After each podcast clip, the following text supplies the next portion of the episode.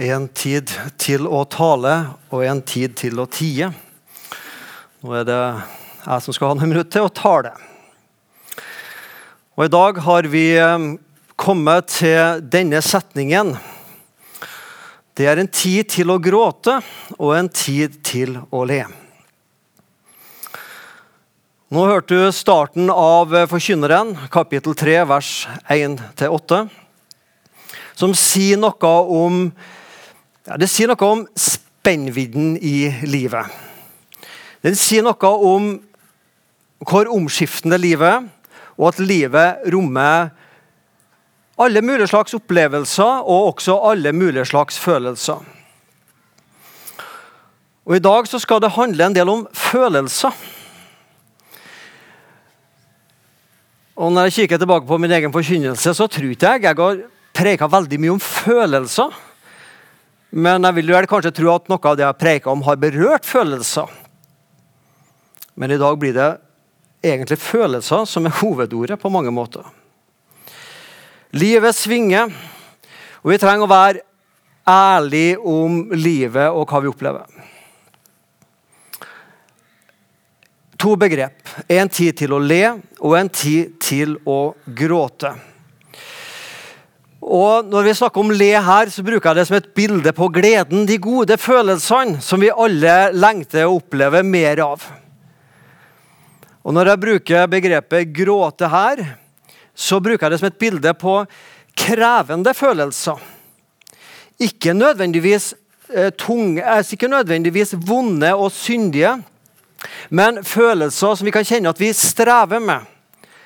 Og som kan være tidvis tunge å innrømme for oss sjøl i alle fall for andre at vi har.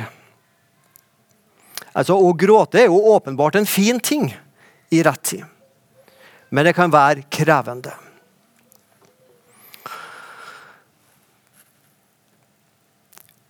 Når vi snakker om begrepet sannhet, så bruker vi gjerne to uttrykk. i alle fall.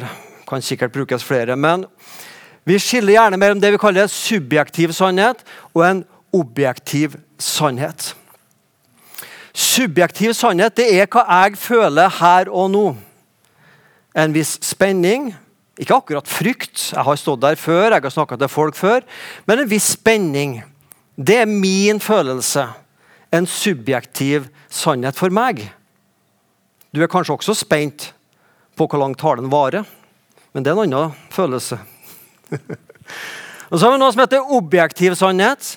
Det er det som er sant, helt uavhengig av mine følelser. Evangeliet er en objektiv sannhet. Og mine og dine følelser er egentlig totalt irrelevant i denne sammenhengen når det gjelder evangeliet. Men samtidig, det å bli frelst utløser forhåpentligvis noen følelser hos deg. Ellers er du skikkelig steinkald. altså. Jeg mener, Hvis vi har levd med Jesus i mange år og er frelst og vet hva som venter oss, så var det unaturlig om vi ikke hadde noen følelser. Rettferdiggjørelsen det er en domshandling hos Gud i himmelen. Og Gud han dømmer uavhengig av mine og dine følelser. Og Det er derfor vi i kristen sammenheng gjerne bruker dette uttrykket. Du har sikkert hørt mange ganger hvis du har gått i kirke og bedehus. Vi bygger ikke på følelser. Og Det er sant når det gjelder rettferdiggjørelse og frelse. Så bygger ikke det på følelser. Men igjen om jeg har blitt rettferdig for Gud og frelst, og jeg ikke av og til kunne kjenne en lite snev av lyst til å si halleluja, ja, da var det noe galt. Sannheten setter oss i frihet. Den kristne friheten, Guds tilgivelse, det kristne håpet. Alt dette skaper naturlig nok følelser i oss. Hvorfor skal jeg snakke om følelser? Hvorfor skal du komme til et søndagsmøte og høre om følelser? Skulle ikke vi heller stått og preike om de kristne grunnsannhetene? Frelse, synd, nåde, lov, evangelium? Ja, jeg kan forstå det spørsmålet. Og det er jo det som er det vi stort sett preker om, forhåpentligvis. Og Det står ikke mye om følelser i Bibelen. Jeg fant dette, jeg googla og fant dette fra ordspråkene 2911. En dåre. Godt norsk ord i dag. Idiot, kanskje? Eller en ja, Nei. En dåre. En som ikke helt har skjønt det. Gir utløp for alle sine følelser. Den vise holder dem tilbake. Og det er fornuftig. Hvis jeg skulle ha vist alle mine følelser og påført deg alle mine følelser til enhver tid, så ville ikke det vært rett. Man må holde sine følelser tilbake også. Men til sin tid. Som kristne kan vi komme i fare for å lage et kunstig skille. Og jeg har sjøl også brukt de uttrykkene jeg nå kommer til å bruke. Eh, vi kan snakke om livet mitt, og så kan vi snakke om kristenlivet mitt. Ikke sant? Jeg har et liv, og så har jeg et kristenliv. Jeg skjønner den, og jeg har sjøl brukt det. Altså Kristenlivet mitt handler om Bibel og bønn og Jesus og misjon og misjonssang og øh, lovsang osv. osv. Men så har jeg et vanlig liv som handler om fotball og alt annet. ikke sant? Og så skiller vi mellom kristenlivet og livet. Men tingen er jo det at hele mitt liv er et kristenliv. Og mitt kristenliv, det er livet mitt. Altså, Mitt poeng jeg sier det på den måten at følelser, opplevelser, virker også inn på det vi kaller kristenlivet. Og dette kunstige skillet, hvis vi på en måte blir veldig bevisst på livet, kristenlivet, så kan vi stå i fare for at vi splitter livet vårt med to virkeligheter å forholde seg til. Og Det kan føre, føre til et dobbeltliv. Et kristenliv og et vanlig liv. Eller du kan komme til å mene at det er uviktig det der med å bearbeide følelser, siden det ikke angår åndslivet ditt. Og da lurer vi oss sjøl. For enten kan vi bearbeide våre følelser, eller så kan følelsene fort bearbeide livet vårt på uønska måte. Vi kan enten bearbeide våre følelser, gode og vonde. Spesielt de vonde trenger vi det. Eller så vil de følelsene på sikt bearbeide livet vårt, kanskje i en negativ retning. Må Han, fredens Gud, hellige dere helt gjennom, og må deres ånd, sjel og legeme bli bevart uskadd, så dere kan være uklanderlige når vår Herre Jesus Kristus kommer. Her stilles disse tre begrepene ånd, sjel og legeme sammen av Paulus i 1. Tessalonikerbrev. Kroppen min, fysisk helse, er viktig. Sjelslivet, tanker, følelser, psykisk helse, det indre mennesket og ånden som her står for måte, det som har fellesskapet med Gud, det gjenfødte mennesket. Det er hele meg, og det er hele deg. Kropp, sjel og ånd. Å bearbeide følelser og Nå skal jeg bli litt med strek under litt personlig. Sånn at ikke dette bare blir et sånt foredrag om følelser. Jeg var så heldig i mitt liv at jeg møtte et menneske som hjalp meg å bearbeide mine følelser. Iallfall på det stadiet. Og Mange vil dra kjensel på han som nå kommer på skjermen. Ja, Mange av dere har møtt han. Gunnar Elstad. Døde i 2016. Trønder, ja. Fra Trondheim. Jeg var så heldig at jeg møtte han da jeg gikk og studerte teologi på Fjellhaug misjonshøgskole. Og Han kom ned dit og hadde samtale med en del av oss som gikk på misjonsskolen. Og Jeg var en av dem som jeg er så glad i ettertid, at jeg våga meg frampå og spør Gunnar kan jeg få snakke med deg. Og Da er vi tilbake i overgangen mellom 80-90-tallet. Ikke 18, men så 1980-1990-tallet. Men det er forrige årtusen en gang.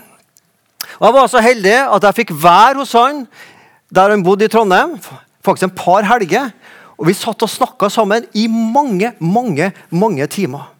Og han hjalp meg å bearbeide mitt liv, mine følelser, snakke om oppvekst, foreldre, følelser, troshistorie, synd, nåde, ambisjoner, tjeneste. Det er et av de lureste valgene jeg har gjort i mitt liv. Å spørre Gunnar kan jeg få snakke med deg. Og Da han døde i 2016, så så jeg på hans Facebook-side hvor mange, ikke minst menn, som hadde skrevet 'Takk, Gunnar, for det du betydde for mitt liv og min tjeneste'. Vi er ikke bare titalls, men sikkert oppi 100 mennesker i Norge som er takknemlige for det Gunnar hjalp oss til. Og jeg kan ennå huske noen av hans spørsmål når vi satt der. Han hadde sånn spesielt blikk. Sånn veldig sånn granskende blikk. Hva føler du nå? Kan du si litt mer om hva du føler nå? Han snakka fint. Han var fra Trondheim, vet du, men snakka veldig sånn ja. Hvor i kroppen sitter den følelsen? Kan du si mer om det? Og her så Han pirka borti. Og jeg sier ettertid takk og lov at han gjorde det. Det hjalp meg. Å bli bedre kjent med meg sjøl, mitt følelsesliv. Og gjennom det en større forståelse av dette med synd og nåde, og dermed også forhåpentligvis et ærligere forhold til Jesus. Det var litt om et av mine store forbilder, Gunnar Elstad. Nå skal jeg bruke en god del minutter på nå, i hvert fall de neste minuttene, til å snakke om en tid for å gråte. altså Jeg skal snakke om de krevende følelsene. Og Dette blir et streiftog, det skjønner dere. Jeg kan ikke gå dypt inn i dette her. Det blir et streiftog som stopper på mange stasjoner en bitte, bitte lita stund og gir dere et lite innblikk i følelser som kan være krevende. Og For at du skal huske det bedre altså det, det, er mange følelser jeg ikke nevner her. Men for at du skal huske det bedre, så kan du notere at alle begynner på S. Bokstaven S. Første følelsen er skyldfølelse. Skyldfølelse det finnes både god eller sunn og usunn skyldfølelse. Vi er moralske mennesker som har ansvar. Og Hvis jeg dunker borti kona di, så vil jeg anta at du blir sint. Det blir sikkert kona di også. Og jeg bør føle skyld for det. Det er en sunn skyldfølelse. Gjør jeg noe galt mot noen, så bør jeg kjenne på skyld, og sikkert skam også. Vi er ansvarlige for hverandre og ansvarlige for Gud. Når jeg har gjort noe galt, når jeg har synda, så er det positivt at jeg kan føle på skyld. Da kan jeg innrømme det, og jeg kan bekjenne det og bli tilgitt. Jeg husker Gunnar sa flere ganger til meg, Sven Anton, bekjent synd er ikke problem for Gud. Det er ubekjent synder ikke har bekjent. Ja, bekjent synd er tilgitt. Det er den sunne skyldfølelsen. Men så finnes det en usyns, usunn skyldfølelse. Det at du og jeg går rundt og føler skyld for ting vi egentlig ikke har skylda for. Eller at du føler sterk skyld for egentlig bagateller. Altså småting. Jeg husker Gunnar sa til meg en gang Svein Anton, jeg tror du har sånn snill gudssyndrom. Altså, hvis jeg hadde liksom i Oslo-trafikken kjørt i kollektivfeltet noen meter, så hadde jeg nesten dårlig samvittighet for det. Jeg husker Gunnar sa det er sånn snill Guds-syndrom. Du har liksom for, føler skyld for småting, bagateller.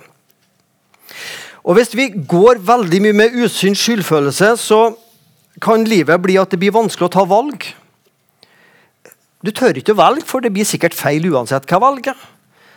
Du tar på deg skyld og skyldfølelse for synder andre burde ha kjent synd for. Eller skyld for. Eller du lar maktmennesker påføre deg skyldfølelse. Det var litt om skyldfølelsen. Og så er det sjalusi og skuffelse. Det er ikke det helt det samme, nei, men de henger av og til og ofte sammen. Vi kan være sjalu på, eller vi kan være skuffa over foreldrene våre eller søsknene våre. Forskjellsbehandling. Søsteren min får mye mer oppmerksomhet ja, og fikk, eh, fikk, litt mer penger enn meg. Ja. Mm. ja, det er litt urettferdigere her. Broren min han ble sett mer. Jeg føler meg mer oversett enn andre søsken. Sjalusi, skuffelse. Det kan være venner. Vi kan være både sjalu på eller skuffa over. Som har det bedre, får det bedre til enn meg og kona mi. Liksom. Lykkes bedre enn oss. Eller venner som vi syns gir oss mindre oppmerksomhet enn det de gjorde før. Skuffelse. Det kan hende at du er skuffa over menigheter, over misjonssalen, som ikke ser meg nok og ikke hører meg nok. Som ikke møter mine forventninger. Eller kanskje du hadde for høye forventninger til menighet. kanskje. Vi kan bli skuffa på Gud. Altså, Kan vi bli skuffa over Gud, da? Er det mulig? Er, ja, det må jo være synd ja, å bli skuffa over Gud. Er ikke det? da? Vel, Gud vet uansett hva du tenker og hvordan du har det. Da kan du like så godt ærlig og fromt si at du er skuffa over Gud. Det er mye mer ærlig og fromt å si at man er skuffa over Gud, enn å takke og tilbe Han når du egentlig ikke mener det. Leser vi om eh, personer i Bibelen som var skuffa over Gud? Står det om det? Så skal vi lese litt fra Jeremia. Han var litt skuffa over Gud. Du vet det, Herre. Kom meg i hu og se til meg. La meg få hevn over dem som forfølger meg. Rykk meg ikke bort mens du er langmodig mot dem. Tenk på at jeg blir hånet for din skyld. Jeg fant dine ord, og jeg åt dem. Og dine ord var til fryd for meg og til glede for mitt hjerte. For jeg er kalt ved ditt navn. Herre, herskarenes Gud. Jeg har ikke sittet i de lystiges lag og jublet. Nei, grepet av din hånd har jeg sittet ensom, og du fylte meg med harme. Hvorfor, hvorfor er min smerte evig og mitt sår ulegelig? Det vil ikke la seg lege. Du, du Gud, er blitt for meg som en sviktende bekk, som vann en ikke kan stole på. Gud, jeg er skuffa over deg. Jeg kan ikke stole på deg sånn som jeg kunne før Det er egentlig det Jeremia sier her. Og De som redigerte sammen Bibelen, de kunne ha strøket ut dette. Nei, tar ikke med sånn, vet du. Jo, vi tar med sånn. For det er en troendes menneske som kjenner at Gud var ikke helt sånn som jeg hadde trodd og håpa at han var. Han var litt skuffa, Jeremia, over Gud. Vi må videre. Og litt om skyld, sjalusi, skuffelse. Neste følelsen som ikke er syndig i seg sjøl, men som kan være krevende å snakke om, det er seksualitet. Seksualitet, våre tanker, våre følelser og hele vår atferd. Det er jo en sterk følelse. For å si det enkelt, Hadde ikke vært for at mor og far din hadde den følelsen, så hadde ikke du sittet her. Jeg heller. Trengte å bli mer konkret enn det, men det skjønner vi. Seksualitet er en av de sterkeste følelsene sammen med sinne og nysgjerrighet. Nysgjerrigheten folkens, det er faktisk en av de aller sterkeste drivkreftene. Hvis han kan fortelle oss noe vi ikke visste, da legger vi alt annet til side. Da er vi der. Utrolig sterk drivkraft, nysgjerrighet. Men seksualitet, det å snakke om egen seksualitet og følelser, kan være krevende, det er flaut, og vi utleverer oss gjerne. Vi kan kjenne på syndige lyster.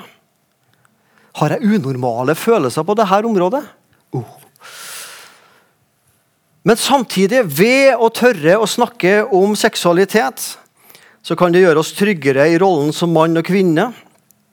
Vi kan få et naturlig forhold til kropp og seksualitet, og hjelp og oppmuntring til å leve etter Guds gode bud og vilje. Det er sunt, det er krevende, men det er sunt å snakke om sin egen seksualitet med en person i fortrolighet. Det er en god måte å bearbeide sterke følelser på. Neste følelse på S å sørge.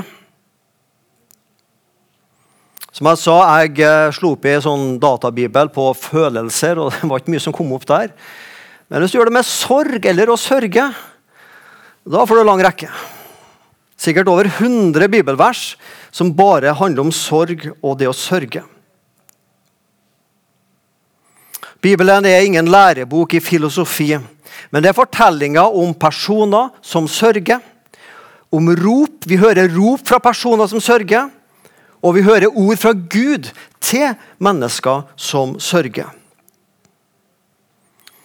Bibelen er ingen sørgelig bok, men er i høyeste grad en bok om sorg og til sørgende.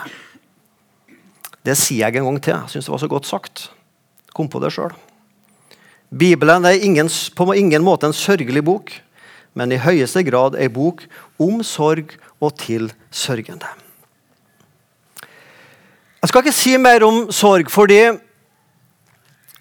jeg vil heller anbefale deg, om noen av dere var til stede her for tre uker siden, da Hilde Soleng snakka om sorg, den sorgen hun opplevde eh, da hennes mor døde og Hilde var 14 år gammel.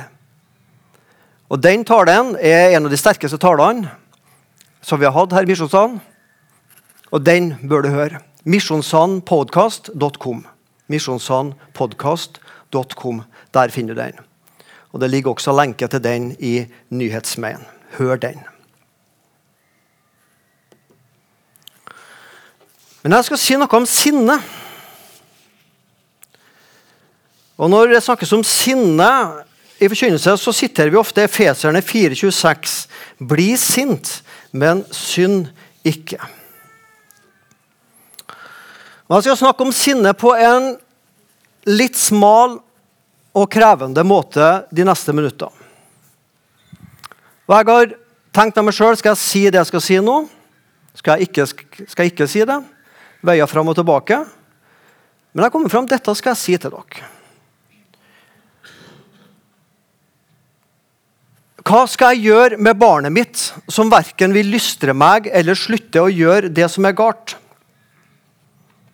Har du som forelder stilt deg det spørsmålet? Hva skal jeg gjøre med ungen min som ikke vil lystre og gjøre det som er galt? Foreldre kan vi mange en gang kjenne oss slitne, oppgitte, når barna pusher våre grenser for rett og galt. Når tålmodighetsstrikken er strukket til det aller ytterste. Når orda er brukt opp, så kan en sliten forelder med kort lunte dessverre ta til fysisk avstraffelse av barnet sitt. Du slo barnet ditt. Du gikk over ei grense for hva som er akseptabel oppdragelse og straff. Du skal ikke slå barnet ditt. Det er forbudt ifølge norsk lov å bruke vold i oppdragelsen. Samtidig det er også mer du som forelder som vurderer å slå barnet ditt, må være klar over. Et barn som blir slått, vil ikke først og fremst hate sine foreldre, men vil ende opp med å hate seg sjøl. Over tid vil et slått barn slutte å elske seg sjøl. Barnet vil miste sjølrespekten og vil ofte leve med sjøldestruktive tanker. Videre vil et barn som blir utsatt for vold, sjøl oftere komme til i framtida å slå egne barn i neste generasjon. Vold i hjemmet går i arv. Barnet, ungdommen som blir slått, vil lettere komme til å leve et dobbeltliv. Hjemme er han og hun opptrer lydig og snill, men den innebygde aggresjonen og sjølhatet vil sive ut i møte med andre mennesker. Eller teddybjørn. Det står om å tukte sitt barn i ordspråkene. Og Det er ikke lett alltid å oversette disse til våre dager. Men det står 'Tukt din sønn mens det ennå er håp', men la deg ikke rive med så du dreper ham'. Det finnes en bedre vei å vandre med barnet ditt enn å slå det. Snakk med barnet, ungdommen, hva som er grei oppførsel. Prøv å forklare rolig og med innestemme hva som ikke er akseptabelt å gjøre. Uansett om barnet lystrer deg eller ikke, ansvaret ligger på deg som mor og far til å legge bånd på de mørke og destruktive følelsene du måtte kjenne på. Sinte og uberegnelige foreldre skaper bare utrygge og usikre barn. Og for all del, aldri rist eller slå barnet ditt. Aldri. Aldri.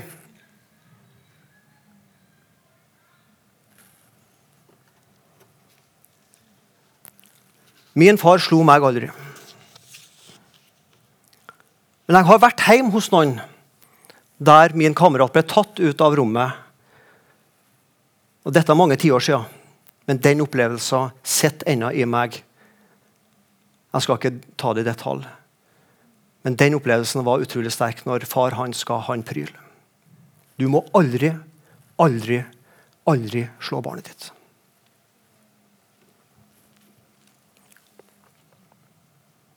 Du må styre sinnet ditt. Jeg har tatt for meg mange ikke syndige, først og fremst, men krevende følelser på bokstaven S. Vi kunne snakka om sjølforakt, sjølmord, spiseforstyrrelser, stress og andre ting, men det strekker ikke tida til. Og du kjenner nok at dette er litt tungt. Og jeg kjenner det også. Jeg har ikke grudd meg for denne talen, men jeg har vært spent.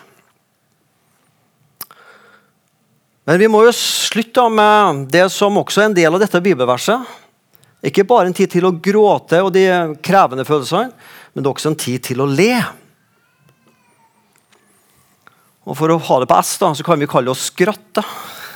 Da fikk du det på S. vet du, å skratte. En tid for å skratte.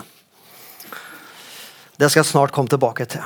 Men jeg har lyst, før vi snakker litt om det, si det at hva som skjer med oss når vi holder følelser på avstand. For litt av mitt poeng med å ta fram dette i dag, det er å hjelpe oss som kristne til å erkjenne og innrømme våre følelser, de krevende følelsene, slik at vi kan få bearbeida dem. Og Det er også denne samtale- og forbundsgruppa som Leif snakka om her litt tidligere. Vi ønsker også å være til hjelp for det. Nå skal jeg bare veldig kort her nevne på ett minutt eh, ta fram noen eh, ting som Gunnar Elstad nevner i sin bok som heter 'Livshistorie og følelser'. Hva som skjer når vi holder følelser på avstand. Eller fortrenger dem eller benekter dem. Konsekvensene kan være konsentrasjonsproblemer, søvnproblemer, fysiske symptomer, smerter, ensomhetsfølelse, lav selvfølelse, sjølforakt, utrygg på egen kropp og seksualitet aggresjonsproblemer, sterke og vedvarende følelsesmessige svingninger. Jesus følte han noe. Ja, Han var jo 100% menneske, så det gjorde han. Vi leser mye i Nytestamentet om hva Jesus gjorde, hva han lærte og underviste oss av. Det står ikke mye om følelser i Nytestamentet. Men vi leser at Jesus gråt over Lasarus som var død. Han gråt over Jerusalem, som ikke ville omvende seg. Han ble harm, altså sint, på disiplene som ville hindre barna å komme til han. Han ble sint på dem som drev med handel på tempelplassen. Og Jesus ble skuffa over de tre disiplene som sovna i Getsemanehagen. Som skulle være med og be sammen med ham denne timen. Jesus ble skuffa over dem.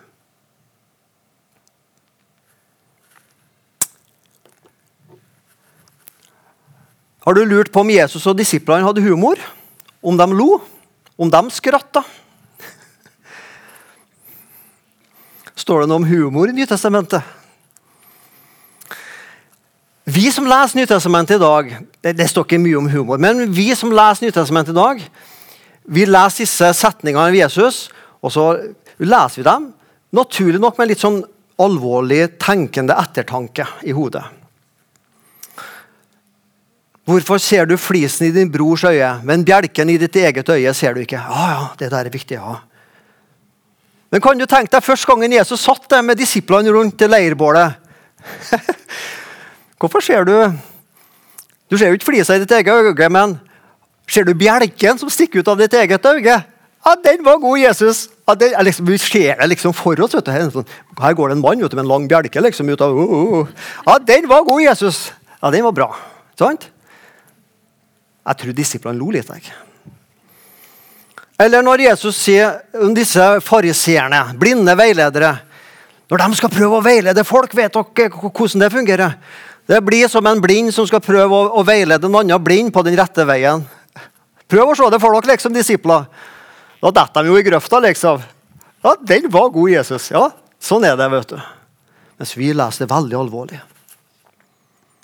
Det fins noen sånne eksempler i Det nye testamentet som jeg tror Jesus, der Jesus brukte humor for å få fram et alvorlig og et viktig poeng.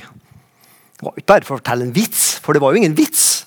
Men han brukte humor for å få fram et dypt alvorlig poeng. Eller disse to disiplene Jakob og Johannes.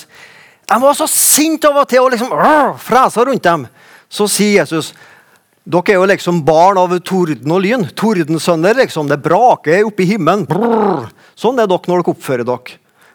Da lo sikkert alle de andre disiplene, unntatt Jakob og Johannes. De lo sikkert av seg sjøl.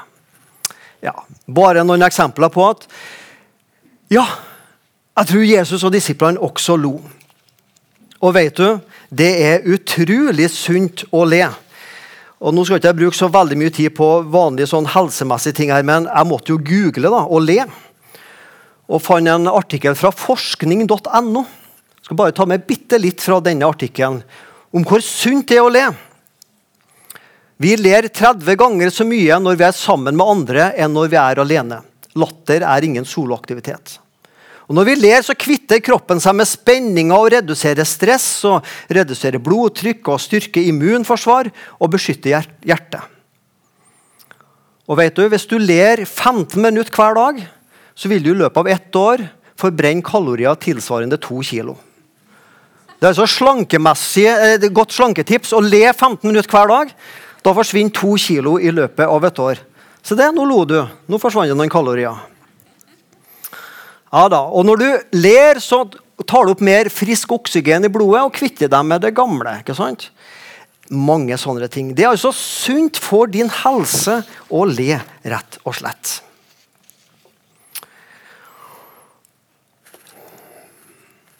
En tid for å gråte og en tid for å le. Alene eller med andre. Og Det har du sikkert lagt merke til at ikke minst Paulus, når han skriver, så skriver han til dere. Til hverandre. Han skriver ikke til, så mye til én person, men han skriver til fellesskapet. Det er et brev til hverandre kristne, menigheter. Gled dere med de som er glade, og gråt dere med dem som gråter. Det å le og gråte må vi av og til gjøre for oss sjøl, iallfall Gjerne vil vi ha gråten av og til for oss sjøl. Men kan du tenke deg det å være alene med å le? Jeg mener, Når du har en god opplevelse, da vil jeg gjerne dele med andre. Wow! Dette var kjekt! Vi ler sammen. Det er en fellesaktivitet. Vi griner sammen, og vi gleder oss sammen. Jeg vet ikke hva som er verst, å ikke ha noen å dele det som er vondt, eller det som er godt med. Begge delene er ille. Godt å ha noen å dele med. Vi skjønner alle at et søndagsmøte er ikke plassen til å hoppe opp på scenen og begynne å fortelle veldig innlevende om livet vårt og, og, og brette det ut. Det skal ikke vi gjøre. Men du trenger et småfellesskap, en forening, der det kan være mulighet til å snakke om sånne ting. Eller medvandring med et annet menneske. Ja, Du kjenner denne sangen av Mathias Orheim, når jeg med Jesus alene er, da er det hugna å leve her. Meg og Jesus alene. Ja. Når vi med Jesus sammen er, da har vi dugna her. Kanskje vi skulle ha sagt det. La oss gjøre det sammen og glede oss sammen og gråte sammen. Del de krevende følelsene sammen. Det som jeg da tror skjer, det er at menigheten blir et helbredende fellesskap der folk tør å være seg sjøl og ikke le med masker, men åpne opp for noe av det som er vanskelig. Så kan vi snakke om det, så kan vi be over det, Og så kan folk kjenne vet du, jeg trengte å legge fra meg det krevende livet utenfor inngangsdøra. Jeg kan ta det med inn her og dele det her i fortrolighet med noen. Da tror jeg Misjonssalen kan bli et sted som vi har som slagord i diakonigruppa. Et sted der ingen står alene. Kjære Jesus Kristus. Du kjenner våre liv og våre sår og våre krevende følelser. Og du kjenner hvor krevende det kan være å dele det med andre. Takk for at din frelse står uansett fast. Hva jeg måtte føle, hva jeg måtte kjenne på. Det kan ikke mine følelser rokke noe som helst med. Jeg er frelst. Jeg er rettferdiggjort. Det er sant for tid og evighet om jeg er oppe eller om jeg er nede. Og Så ber jeg at for min del og for oss alles del og for denne menighetens del at vi kan være et fellesskap der vi tør å lette på ting. Være ærlig om også disse tingene her. En tid for å gråte og en tid for å le sammen. Amen.